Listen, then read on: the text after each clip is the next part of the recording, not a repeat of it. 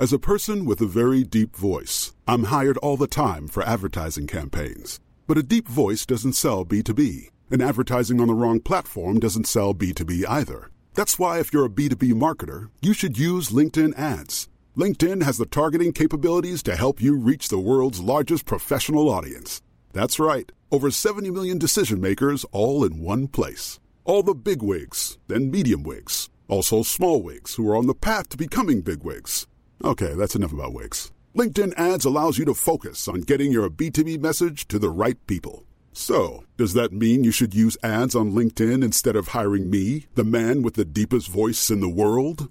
Yes. Yes, it does. Get started today and see why LinkedIn is the place to be to be. We'll even give you a $100 credit on your next campaign. Go to linkedin.com slash results to claim your credit. That's linkedin.com slash results. Terms and conditions apply.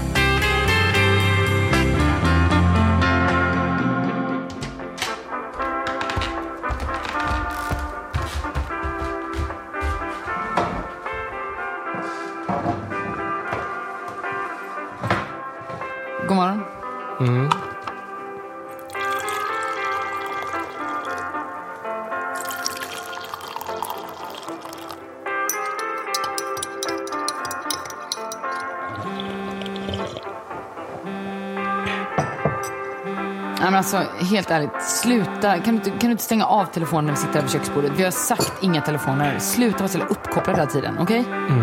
Och du, för övrigt, har du, har du sagt till barnen att de måste stänga av Bolibompa nu? De har fan kollat i ja, 22-23 minuter. Det, det måste räcka nu. Vi måste dra iväg. Kan du göra det? Ja. Ja. Skynda dig då.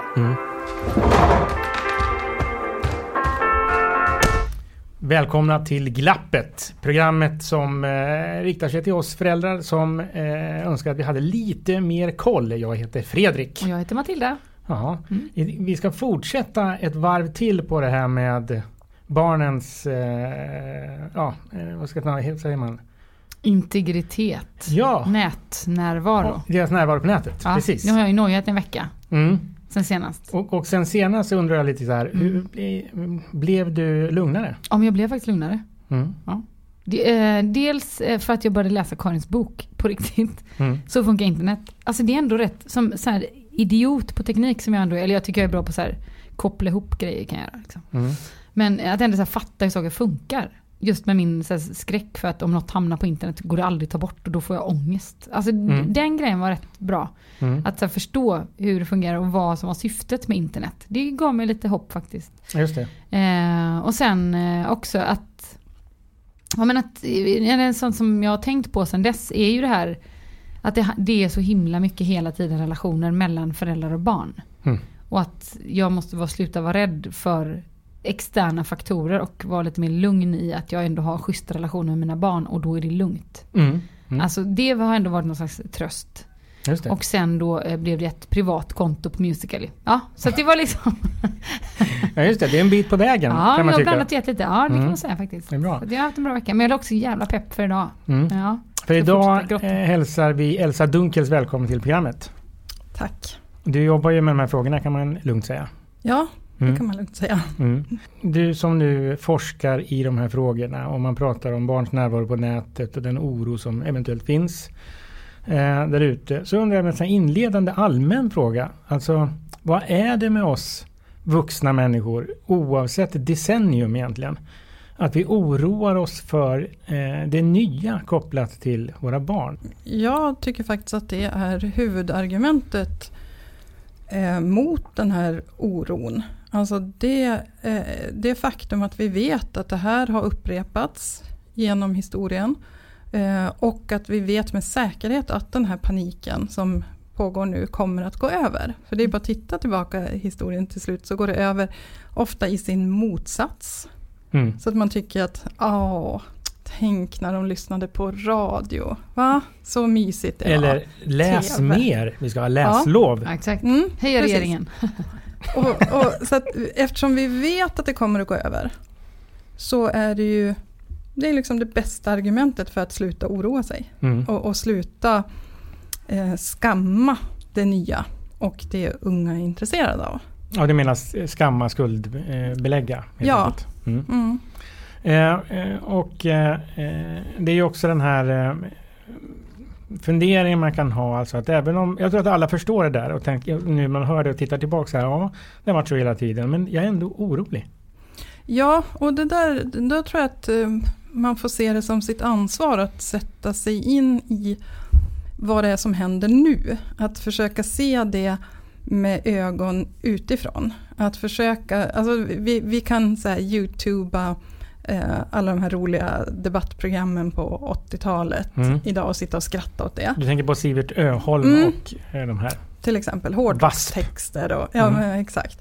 Eh, det är sånt som man kan ägna sig åt eh, och det är roligt och, man, förstår att det var dumt och så vidare.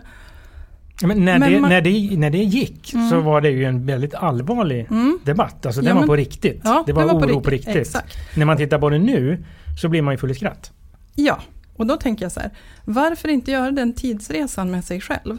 Att titta på det vi säger nu med de ögonen som folk kommer att titta på det om, eh, det är svårt att överblicka, men 10-20 år säger vi, så kommer någon att sitta och leta rätt på, på motsvarigheten till YouTube som finns då och sitta och skratta åt de här programmen eller, Eller mig i den här podden till exempel. Oj, jag man- få med den här podden. Don't YouTube these kids. It's not good for you.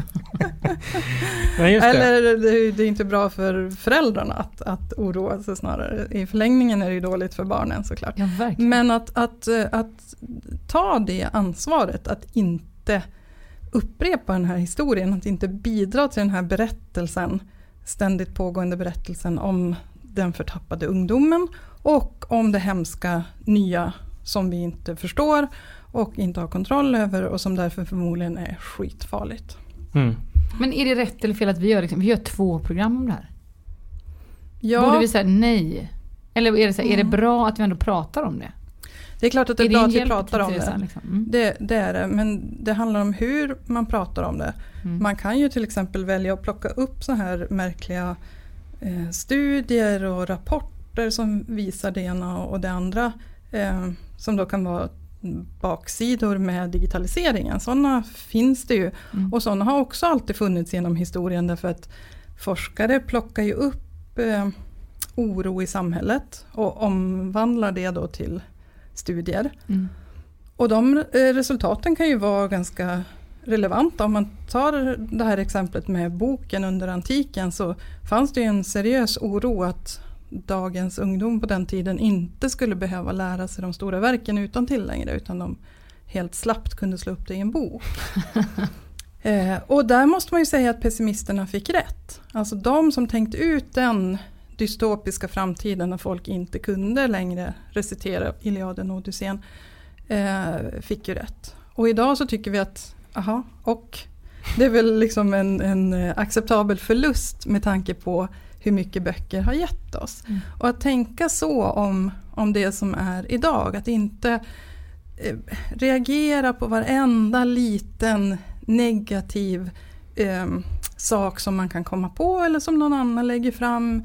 Och, och vi, vi presenteras ju dessutom för så många sådana idag. I och med sociala medier så är man ju, man får liksom två studier per dag Mm. rakt in i Men är det en del av problematiken att vi inte kan eh, svära oss fria från helheten? Att vi ständigt påminns om de här detaljgrejerna Mm. och det är de som det skapar kan, oro. Ja, det är en del i det hela och, och den har ju eskalerat på sista tiden eftersom vi aldrig har exponerats för så mycket eh, även alltså riktig forskning. Vi måste lära oss att tolka det. Det är Mm. inte så tvärenkelt alltid. Eh, men sen finns det ju andra underliggande orsaker till att det blir så här och, och en av de eh, riktigt stora orsakerna är ju att det handlar om makt. Att Mm. när, när vuxna får bestämma hur det ska vara så är allting lugnt. Men så fort det börjar bubbla Eller vuxna män får bestämma. Ja, det vi, vita vuxna Exakt. men Ja. Mm. mätta. också. Exakt. Mm. Mm. Så, Fredrik, no offense men Jag ja. är jättehungrig Ja. just nu. Men eh, om det då bubblar upp någonting från en annan grupp. Och där är ju barn ett bra exempel på en grupp som är fruktansvärt irriterande när de kommer på grejer själva och när de inte gör som vi hade tänkt och så vidare. Mm. Då uppstår det ju spänningar i samhället, det uppstår konflikter och oro. Mm. Och just den här gruppen som är liksom normkärnan har ju väldigt mycket talutrymme och plats att uttrycka sig, vilket barn verkligen inte har eh, som grupp betraktat. Så att då, då hörs ju all den här oron väldigt mycket och det finns ganska god anledning för den här eh, normkärnan att, att försöka trycka ner det här, det här nya som är på gång. För jag tänker också att det hänger ihop med, alltså jag kan ju verkligen känna igen mig som förälder, att man är så, här, man är så otroligt förträfflig så har man ett goda råd till sina barn som man bara tycker att de kan ja, verkställa helt enkelt så, så Mm. kommer ju livet bli fantastiskt. Ehm, och, och då tänker jag så här, det bygger ju också väldigt mycket på tid. Alltså om jag är stressad som förälder, som jag upplever att väldigt många föräldrar idag i samhället är. Så man, man ska hänga på sociala medier till exempel och man ska, ska jobba jättemycket och man ska, alltså det finns tusen outtalade och uttalade krav. Eh, jag är ju sämre på liksom dialogen och på att låta mina barn ta plats när jag är stressad. Eh, jag vet inte riktigt vart jag vill komma med det här men jag tänker att vi har ju några program pratat om det här liksom, samtalet med sina barn, alltså mycket, att nyckeln ofta ligger i att ta sina barns oro på allvar. Eh, och att de också är kapabla, fick jag lära mig förra veckan då av Karin, eh, kring nätet att så här, det här känns inte bra. Det här, det här tror jag inte är rimligt. Och att man då måste ha liksom en bra relation. Så då kommer de att komma och säga det. Mm. Oavsett om det är på nätet eller på skolgården eller i idrottsklubben. Liksom. Eh, men hur, hur tänker du kring det? Alltså, för jag tänker att mycket när det handlar om att bryta normer och makt i samhället handlar ju om att ha tid. Ja, till Eller? en början i alla fall. Ja. Alltså det, det är klart att det tar, det tar ju längre tid att diskutera och förhandla med sina barn än att säga nu jävlar gör du som jag säger. Mm. Och, och på det sättet så, så var det ju väldigt svårt i början för de generationer som inte längre fick ta till våld och hot om våld Mm. I uppfostran. Att det vart ju jättekrångligt och ungarna var jätteouppfostrade Mm. och så vidare Mm. upplevdes För att det. de inte fick stryk ordentligt. Precis. Mm. De var inte rädda för någonting och då, då blir det ett annat samtalsklimat. Men, men det där har vi ju hittat sätt att, att lösa idag. Mm. Och, och det är klart att från början så är det mycket, mycket mer. Med en tvååring så får man hålla på och krångla hur mycket som helst. Jämfört med när man fick liksom hota dem och de blev knäpptysta Mm. och eh, traumatiserade. Mm. Så att, eh, och så tänker jag att det är med det här också. Att det är klart, i början så, så tar det mer tid. Poängen är ju att då har man ju planterat någonting i barnen. Eh, som, som gör att de klarar sig själva i större utsträckning. Och de kommer och larmar om det är någonting eller om de har en fundering. Mm. Om man istället försöker lösa det på det andra sättet att man kanske ska ha kontroll, för det går ju fortast. Om man sätter upp en lista med regler och, och man har en grej som stänger av internet på kvällen och vad man nu har. Alltså den där typen av kontrollbeteende. Ja, men finns Verk- det sånt tänker jag genast? Ja fast Ja. det är inte jättestort i Sverige Men jämfört vi med har, många vi andra har ju någon sån här eh, typ router heter det, jag är ju så, som, så man kan typ stänga av. Ja, jo, stänga Alltså man går av fram och, nej men alltså det finns en knapp som är så här, bara stänga av signalen. TVn okej. och allting funkar alldeles utmärkt men Mhm. signalen ut. Okej. Ja, ja, det var en parentes. Men jag använder Ja. inte den vill jag ändå säga i den här podden. Nej men alltså jag det finns, inte internet. Ja. det finns ju lösningar som går ut på det att föräldrarna ska ha kontroll över Ja. barnens tid. Mm. är ju det Ja. i det fallet, vilket är jättemärkligt. jag Men, vet att den även diskussionen, är, den diskussionen är är mycket, mycket större i till exempel i England. Mycket större i hela EU jämfört ja. med här. Utanför. Sverige kan man säga. Ja, eller de, det är mindre i de nordiska länderna än Mm. i, i resten av EU. Men det börjar hända saker i hela Europa. Men tänker du att man då inte ska kontrollera liksom? Man bara man släpper ungarna fria Ja, på fast, internet och bara Ja. låter dem Ja. surfa omkring. fast det är ju Inga inte, barnskydd eller inga liksom, nej. alltså de är ju direkt kontraproduktiva. Okej. För det första så funkar de ju inte. Om det vore så att de funkade. Om det gick att installera någonting som gjorde att exakt det som inte är bra för barn, Mm. det kommer de inte åt. Men det, det faller ju på sin egen orimlighet. Vad, vad bedömer, om vi tre skulle sätta upp varsin lista så skulle de se helt olika ut. Mm. Mm. För det första. Mm. Eh, och, och då skulle man antingen lägga ner så enormt mycket tid på att precisera i det här filtret. Då. Mm. Skulle jag sitta i en helg, skicka iväg familjen, nu ska jag precisera Ja. filtret. Ja, och så händer det någonting nästa vecka, då måste jag precisera om. Men det här får ju min ångest att toppa typ. Jo men grejen För det är så här, värst, jag tänker så här, om allt annat går åt helvete då kan jag i alla fall kontrollera vad Ja jag är just på det. nätet Fast, tänker jag. och jag tänker Nu precis tvärtom så tänker jag så här. Redan här är ju diskussionen så orimlig eh, genomförandemässigt. Mm. Så att det går inte. Nej, det går inte. Men, Det är ett, det är Alltså, ett skäl, men men, då fin- det är inte det viktigaste skälet. För det, det kan man, man skulle kunna tänka sig att någon tycker att ja, men det är värt det, jag offrar den tiden Mm. på, på mina barn. För de är det viktigaste jag Ja. har. Men ehm, då är det ju smartare, ur, om man ska titta på vad forskningen säger om säkerhet på nätet, att Mm. lägga den tiden på att samtala med sina barn. Mm. Och bygga den här, eh, det här skyddet hos dem själva. Ja. I, I ett eh, stort forskningsprojekt som jag är med i, i EU Kids Online, där har vi valt ordet motståndskraft för att beskriva vad det är man vill att barnen ska skaffa sig. Ja. Mm. För man har kunnat se då att vissa barn är generellt sett tryggare på nätet Mm. än andra barn. De flesta barn är eh, väldigt trygga på nätet. De klarar sig. De vet hur de ska undvika saker. Om det händer någonting så vet de hur de ska hantera det och de tar det inte jättehårt. Och så finns det de som råkar illa ut, som tar det väldigt, väldigt personligt och som inte vet hur man ska undvika. Det. Och de som eh, lyckas med det då, det, det här är ett lärande som sker i deras kulturbas. Precis. Dels så, så bygger det ju på deras eh, alltså, miljö runt omkring sig. Har de en, en trygg relation till minst en vuxen så är det en del i den här motståndskraften. Det är ganska viktigt att de vågar säga så här, nu har jag gått på en stor jäkla bluff här och nu börjar det kännas skitläskigt, vad ska Mm. jag göra? Den typen av ganska utlämnande eh, larm Mm. eh, måste barn kunna eh, ha förtroende för någon vuxen så att de vågar. Just det. Ehm, sen kan det ju vara andra saker som att har de, är de rätt så, så här trygga i sig själva? Har de fått träna sig i att känna efter innan de gör någonting eller har, har omgivningen hela tiden pockat på att ja, men, gör nu som fröken säger eller gå nu och krama Mm, eh, tanten som vill säga hej till dig och så.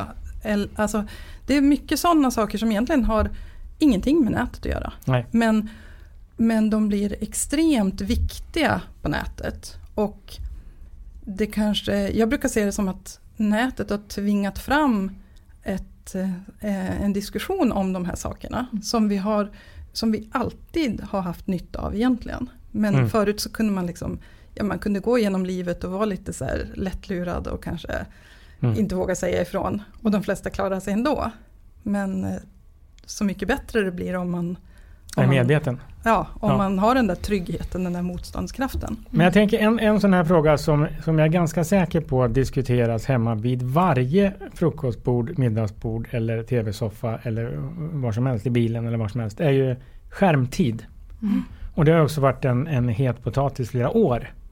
Om man vill ju ha såna här quick fixes. Mm. Hur många timmar ska mitt barn få vara på nätet eller med Mm. sin skärm? Eller, ja, eller hur? Ja. Kan vi eh, reda ut Mm. Den Har frågan. ni papper och penna så ska Ja, jag ja, ge er tiderna här Ja. nu. Ja, jättefint. Eh, För det är podden ju utan den- svar, här kommer de. Ja, Ja. det är ju den absolut vanligaste frågan jag Mm. får. Ja. Eh, såklart? om, om just tid och ålder. Dels hur länge kan min 12-åring sitta utan att det är farligt och hur tidigt kan de börja? Det är de två vanligaste frågorna. Och då brukar jag säga så här, 20 är svaret. Och sen får man bestämma enhet själv.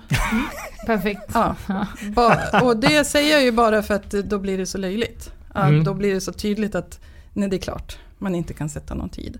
För det finns alltså inget sätt att, att formulera en sån lista baserat på någon sorts vetenskaplig kunskap. Utan det är bara gissningar Mm. och antaganden. Sen kan man säga saker som att eh, fysiologiskt så ska vi ju resa oss upp eh, minst en gång i timmen. Numera säger man minst en gång i halvtimmen. Mm. Men det där känner ni igen från så kontorstips att fem minuter varje timme ska man röra på sig. Mm. Sen får man gå och sätta sig igen. Mm. Det är jätte, jättebra tips till barn också. Mm. Eh, kanske ännu viktigare för barn som fortfarande växer. Mm. Så att såklart finns det sånt, men, men rent relationen till en skärm, där finns det ingenting att säga. Det finns inte någonting om hur tidigt de kan börja heller, utan det, ja, det. det är ju helt irrelevant. Och, och, eh, och, om man då tittar på den frågan, skärm, alltså barnens förhållande till skärm, så säger ju den ju ingenting om innehåll. Nej. Och det är därför det här begreppet är så fånigt. As a person with a very deep voice, I'm hired all the time for advertising campaigns. But a deep voice doesn't sell B2B, and advertising on the wrong platform doesn't sell B2B either. That's why if you're a B2B marketer, you should use LinkedIn ads. LinkedIn has the targeting capabilities to help you reach the world's largest professional audience. That's right, over 70 million decision makers all in one place. All the big wigs, then medium wigs, also small wigs who are on the path to becoming big wigs. Okay, that's enough about wigs. LinkedIn ads allows you to focus on getting your B2B message to the right people. So, does that mean you should use ads on LinkedIn instead of hiring me, the man with the deepest voice in the world? Yes. Yes, it does. Get started today and see why LinkedIn is the place to be to be. We'll even give you a $100 credit on your next campaign. Go to linkedin.com slash results to claim your credit. That's linkedin.com slash results. Terms and conditions apply. Shopify helps you sell at every stage of your business. Like that, let's put it online and see what happens stage. And the site is live. That we opened a store and need a fast checkout stage. Thanks. You're all set. That count it up and ship it around the globe stage. This one's going to Thailand. And that, wait, did we just hit a million orders stage? Whatever your stage, businesses that grow grow with Shopify. Sign up for your $1 a month trial at Shopify.com slash listen. Oh my gosh, I'm adopting a puppy right now. But I realize what's at home. Oh no, I have nothing. Well, except unconditional love. But yeah, no crate, no pee pee pads, no dental chews for his little puppy teeth. Before I doubt myself as a new parent, I just get Instacart to deliver everything from PetSmart. Easy, just like raising a puppy is gonna be, right? Get Pet Essentials from PetSmart with Instacart. Visit instacart.com to get free delivery on your first three orders. Offer valid for a limited time. $10 minimum per order. Additional terms apply.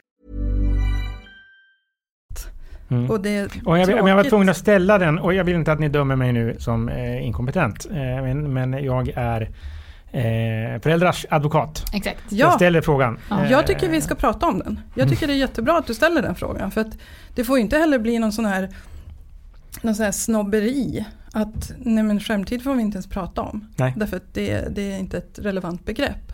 Det är klart att ibland så kan man behöva det ordet för att beskriva att det här är någonting som sker framför en skärm. Men ska man hårdra det så är ju det här också skärmtid för oss. För alla tre har liksom mobilen mm. eh, lättillgänglig om det skulle vara någonting. Just och det är ju den primära skärmen för de flesta av oss. Så att till och med... Det blir liksom hörlurstid. Ja. Kanske, ja. en variant. Ja, men hur, precis. Hur, mycket, hur, länge, hur mycket podcasts får man lyssna på till exempel? Eller hur mycket musik? Svaret är 20. Mm. Har jag lärt 20, ja. 20 välj en själv. Det, exakt, det är svaret. Ja. Men jag tänker, vi, vi resonerade lite innan vi satte på högtalarna, eller så men började spela in. Också kring det här med liksom skärmtid, det är ju också någon form av kontroll. Alltså man som förälder ändå vill kontrollera så det ska bli så bra för ens barn som möjligt förstås. Det finns ju liksom ingen elakhet bakom det tänker jag.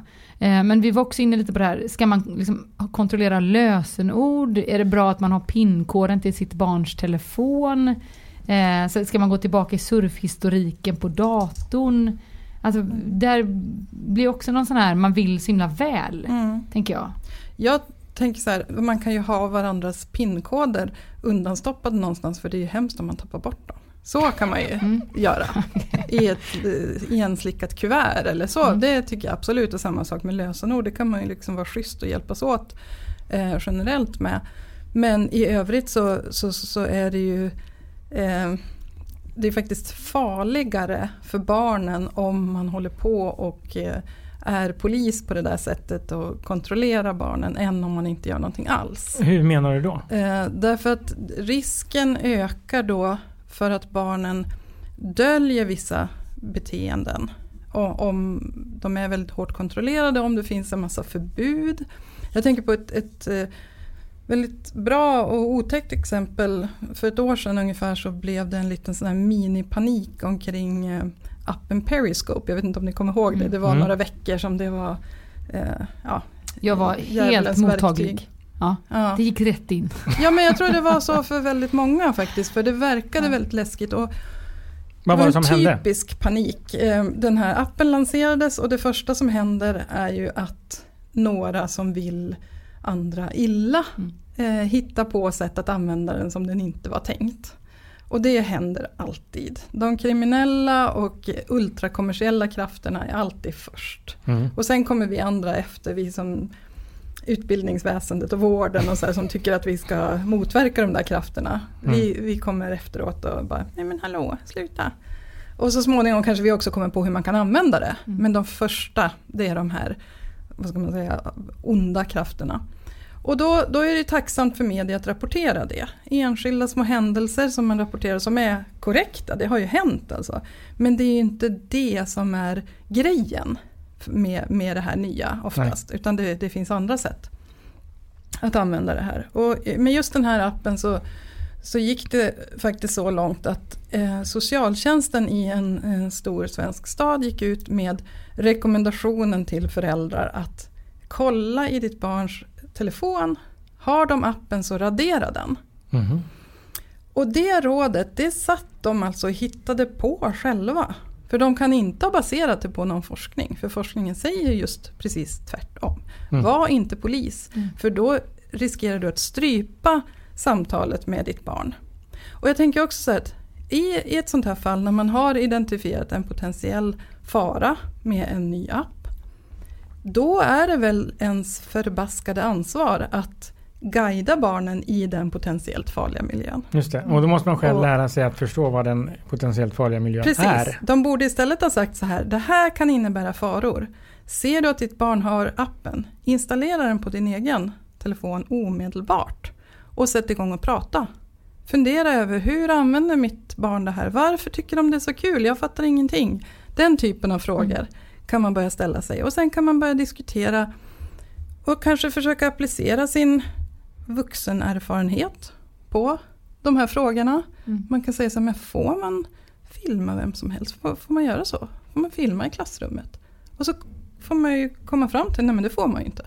Och hur ska man göra då? Och Mm. eh, hitta ett sätt att hjälpa barnen att navigera i, i det här fallet i just en särskild appmiljö. Men det kommer ju att få konsekvenser senare också. Mm. Istället för att stänga ner, säga det här får ni inte hålla på med och hoppas att de ska lyda. Mm. Men det var lite grann som den här eh, hårdrocksdiskussionen på 80-talet med Sivert Öholm. Ja, Se till att bränna upp de här skivorna. Mm. Och det, man kan ju tycka så här, det är lite humor i det där och det kommer gå över och det är väl inte så farligt. Men problemet är, som en del forskare menar, att det här skapar onödiga spänningar i samhället som kan skada marginaliserade grupper i första hand. Alltså svaga grupper på olika sätt, utsatta grupper. Mm. Och, och där kan ju barn vara en sån Mm. stor grupp. Men också eh, vissa barn som kanske inte har stöttning omkring sig. Det kanske inte alls är farligt för, för några barn att ha förbud. För de har det ändå så himla schysst hemma och de vågar och, Mm. och sådär. Men för vissa barn så är det eh, en begränsning som kommer att skada dem. Det. Och då det, så får vi inte ha det. Vi får inte, eh, det är vårt ansvar att inte hamna i det här på, på så sätt att vi skadar barn. Just det. Men, men då verkar det ju vara så lite grann att vuxenvärlden här på olika nivåer, med socialtjänsten eh, liksom tipsar om saker som är direkt kontraproduktiva. Att vi vuxna föder oss själva med den här oron. Ja, absolut. Och ett problem i sammanhanget är att de flesta vuxna får sin information från media. Mm. Vilket är jättekonstigt. För de flesta vuxna som är intresserade av de här frågorna har unga omkring sig. Antingen är de föräldrar eller så jobbar de Mm. med unga. Så att det smartaste hade ju varit att det visade sig att de använder de unga som informationskanal. Och Vad är, vad är det här. Periscope nu då? Mm. Och Mm. frågar och, och får reda på, jaha, Man kan göra så. Men jag tänker Tänker ni vi så? tillbaka på liksom maktbalansen, att man Mm. vågar inte riktigt släppa det. Tänker jag. jag tänker Nej. också att det verkligen hänger ihop med samhället i stort. Liksom, att vi har gått från det här kyrkan i byn och prästen som den allvetande personen som man frågade och sen var det läraren som liksom kunde och visste och hade en position i samhället. Och nu är vi ju inte där. Mm. Nu kan massa människor, barn och vuxna och av olika åldrar, jättemycket saker om det är så otroligt olika ämnen.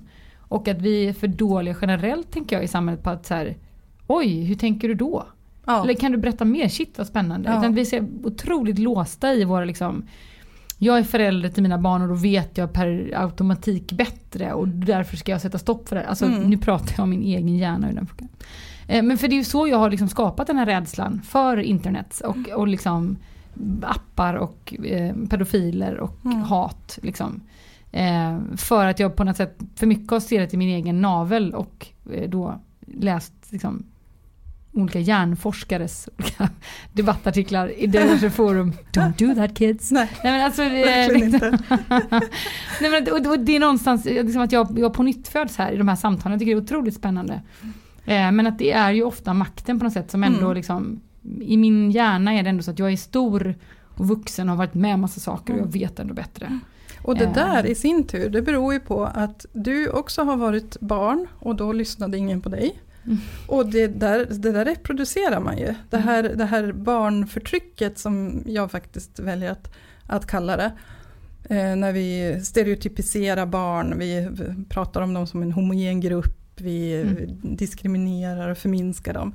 Eh, det är ju självreproducerande, det är ju ett penalistiskt system. Därför Mm. att när man växer ur det så blir man lite så här, ja men när jag var ung då fick man minsann inte. Och sen så gör man, upprepar man samma Mm. eh, beteende fast neråt då, istället för att, att komma ihåg hur det var att ingen fattade att man faktiskt fattade saker. Mm. Så att eh, jag tror att det är nästa stora grej vi måste börja jobba med, att vi måste ehm, utmana våra privilegier som vuxna i förhållande till barn. Och att vi, vi har faktiskt aldrig eh, varit i eh, våra barns ålder. Vi har varit lika gamla. Ja Mm. Men precis, vi har inte varit i deras tidsålder. Nej. verkligen inte. Och när vi bygger våra slutsatser utifrån hur vi själva hade det. Mm, Så det är klart att någonstans det blir fel. Mm. mm. Absolut. Så jag får en sån bild i mitt huvud när du säger det här. Man reproducerar liksom det man själv har varit med om. När jag var, blir det här ointressant för att klippa bort det här Fredrik, men det kommer en anekdot. när jag var elevrådsordförande på min gymnasieskola så, så ville en lokaltidning göra ett reportage om det. Så gjorde de det. Och så ville de komma och ta en bild och då blev det liksom en bild där jag stod i korridoren med armarna i kors och ganska förbannad ut. Och sen blev liksom rubriken så här, det finns ingen elevdemokrati på min gymnasieskola. Var liksom, det var så, ja.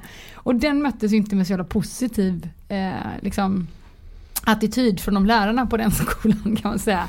De såg ju det som någon slags fuck you liksom. Istället för att någon bara så här, ah, spännande Matilda, hur menar du då? Mm. Hur tänker du kring det här? Så här Mm. Kan vi göra någonting åt det här? Vill du hjälpa oss i det arbetet? Mm. Det var det ingen som sa. Nej. Utan att jag möttes av den här liksom väggen av Mm. vuxenhet som var så här, helt oacceptabelt. Tror Ja. verkligen man kan prata så men tror att det blir bättre om man säger så? Alltså Ja. det, det var liksom, eh, ja. Ja, det tror jag är jättevanligt att man, att man förminskar unga på det sättet. Mm. Jag stöter ofta på det när jag alldeles nyligen så hade jag gjort en, en, en intervjuserie med små barn.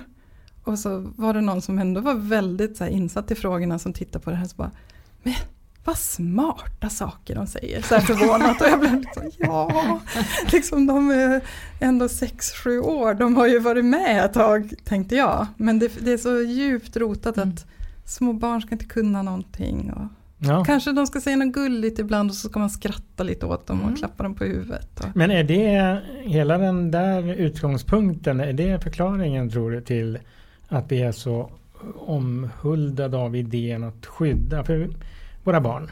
För det måste väl handla om det någonstans också? absolut. Ja, Och för det bot- bottnar i någon slags godhet. Alltså, Ja, absolut. alltså någon omtanke om liksom, sina barn. Eller det blir Ja. ju en helt Mm. uppfuckad omtanke uppenbarligen. Ja. Men jag tänker att det börjar i det goda på något sätt. Ja, vilket faktiskt krånglar till det lite grann tycker jag. Nu, har ju, nu är debattläget lite bättre än det var när jag började med min forskning. Men, men då så tvingades jag ju kritisera såna här goda institutioner som jag kommer ihåg Rädda Barnen i Norge vid ett tillfälle. Eh, och det blev så här det blev ganska jobbigt. Mm. För att vem vill kritisera Rädda Barnen som Mm. ändå vill så väl? Mm. För det var ju i, i omsorg om barn som de hade satt upp regler för internetanvändande som då var totalt galna, Mm. som jag då fick påpeka. Så att självklart är det omsorg Mm. i grunden och det, ehm, det kan man ju liksom ja, ursäkta sig med ett tag. Men det räcker ju inte om, om det sen inte finns, eh, om man inte kan backa upp det med verklig kunskap. Mm.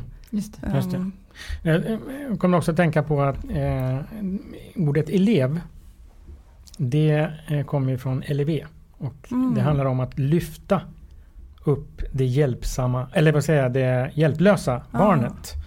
Det är också ett sånt där Just det. barnperspektiv som man har. Att det här Mm. är ett hjälplöst litet barn som inte kan någonting. mm. Och nu ska vi fylla det här barnet med en massa saker. Ja precis, och, Och vi har ju vi gått från den barnsynen totalt. Den, den var ju, alltså, en gång i tiden så opererade man på nyfödda barn utan bedövning för de hade ändå inte förmågan att uppleva smärta. Alltså eh, från det har vi gått till idag när vi förstår att, att redan vid fyra års ålder så kan barn tänka filosofiska tankar och, och så. Vi förstår att, att det funkar inte att, att förminska dem hur mycket som helst. Men vi är fortfarande, fortfarande kvar en bit att gå. Vi har en ganska lång bit. Till exempel att vi ska vänta till universitetsnivå med att lära, lära eh, ungdomarna kritiskt tänkande. När förskolebarn faktiskt är eh, jävla fenor Mm. på kritiskt tänkande i alla sammanhang. Verkligen, och det är ett väldigt bra exempel på den här mm, åldersblindheten som jag tycker att vi ofta ger uttryck för. Att vi ser inte förmågor hos barn. Och just det där med, med kritiskt tänkande så har man ju tjatat i årtionden om att barn måste lära sig kritiskt tänkande och källkritik på internet måste in i skolan.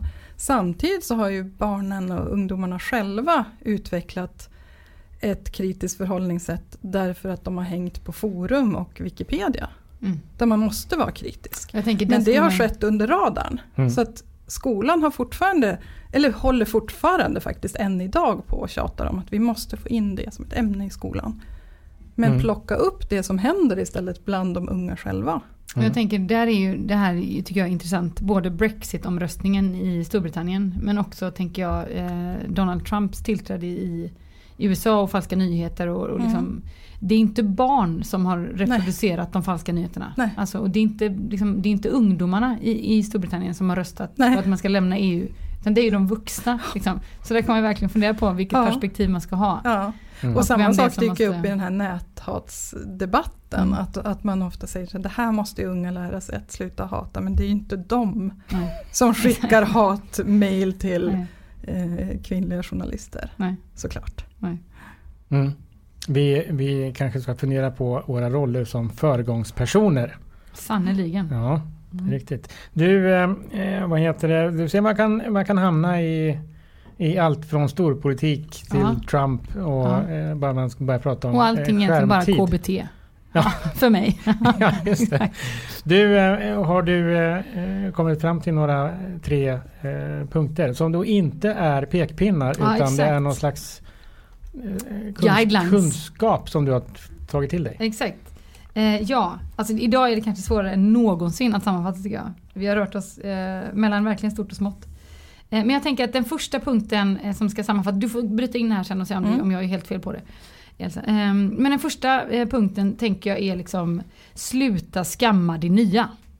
Utan ta istället ditt ansvar som vuxen och sätt dig in i det som händer så att du slipper göra den här skämsresan liksom om tio år. Utan snabbspola skiten och bara omfamna det nya. Mm. Det tror jag är, är liksom, eh, punkt nummer ett. Punkt nummer två. Eh, det handlar ju om att barn är smarta och bör få ta plats. Eh, jag skulle också kunna tänka mig att kalla punkten polisvarning, kontroll leder till svartklubb. Eh, Mm. ju mer du liksom försöker lägga dig i och ta ifrån och begränsa desto liksom mer kontraproduktiv liksom barnupplevelse kommer att få. Eh, så istället, som vi har pratat om i många avsnitt nu, jag säga, men tid för dialog. Liksom. Mm. Sluta kontrollera, börja snacka. Eh, eh, eh, eh, nu ska vi se vad jag ska ha som nummer tre här. Jo, det tror jag ska vara istället för att kontrollera, eh, som du har lärt dig i punkt två att du inte ska. Så lägg tiden i nummer tre på att skapa den här motståndskraften. Det tycker jag var ett underbart ord. Mm. Ehm, och inte tänker jag kanske som revolutionär motståndskraft utan motståndskraften mot det som inte är så smart. Eh, och att barn har den förmågan från början men att vi måste liksom som vuxna göra dem uppmärksamma på att de har den. Eh, och säga titta du har ju koll på det där redan. Och förstärka det som är bra och som de kan för att bygga eh, motståndskraften. Eh, det tror jag var de tre punkterna. Att Det vill säga sluta skamma och börja ta ansvar och lära dig grejer som vuxen. Två, eh, polisvarningen, kontroll leder till svartklubb. Och tre, bygg motståndskraft hos dina barn. Ehm, och sen Mm. får man väl bara avsluta med liksom någon slags här med- medskicket från det här programmet är skärmtid, det är fånigt. Mm. 20 är 20 är svaret. svaret på skärmtid. Mm. Ja. Eh, och man kan lägga till det på ettan, att eh, lär dig grejer och gärna av barnen. Just det. Just det. Mm, Och inte så att man Aftonbladet. Inte, inte Aftonbladet och gå inte någon jäkla kurs eller någonting. Nu Nej. tror inte jag det finns sådana kurser längre. Det, Det kommer fanns ju snart. förut. Eller någon snart. skräckföreläsning eller Nej. som man kan Nej, få precis. till livs. Googla inte skärmtid. Nej. Det kan vara ett råd. Mm. Googla inte skärmtid. Prata med dina barn om den. Just det. Mm. Det, är bra. Spännande. det är spännande. Ja. Jag är ytterligare lite botad känner jag. Jag tror att den här programserien kommer sluta med att du blir en helt annan eh, människa. Helt annan människa. Ser ut som ett väckelsemöte kan vi se på den här programserien. Tio avsnitt av väckelse. Ja, det är bra. Från liksom, eh, minska glappet helt enkelt. Precis. Mm. Mm. Tack så mycket Elsa för att du kom. Tack för att jag fick komma. Och Underbart. eh, vi hörs igen snart. Ja det gör vi. Mm, kring vad eh, vet man inte. Nej, det vet man. Får man vad- Vi får kolla vad jag får ångest för nästa gång. Så Tack tar vi det. Tack Hej. och hej. hej.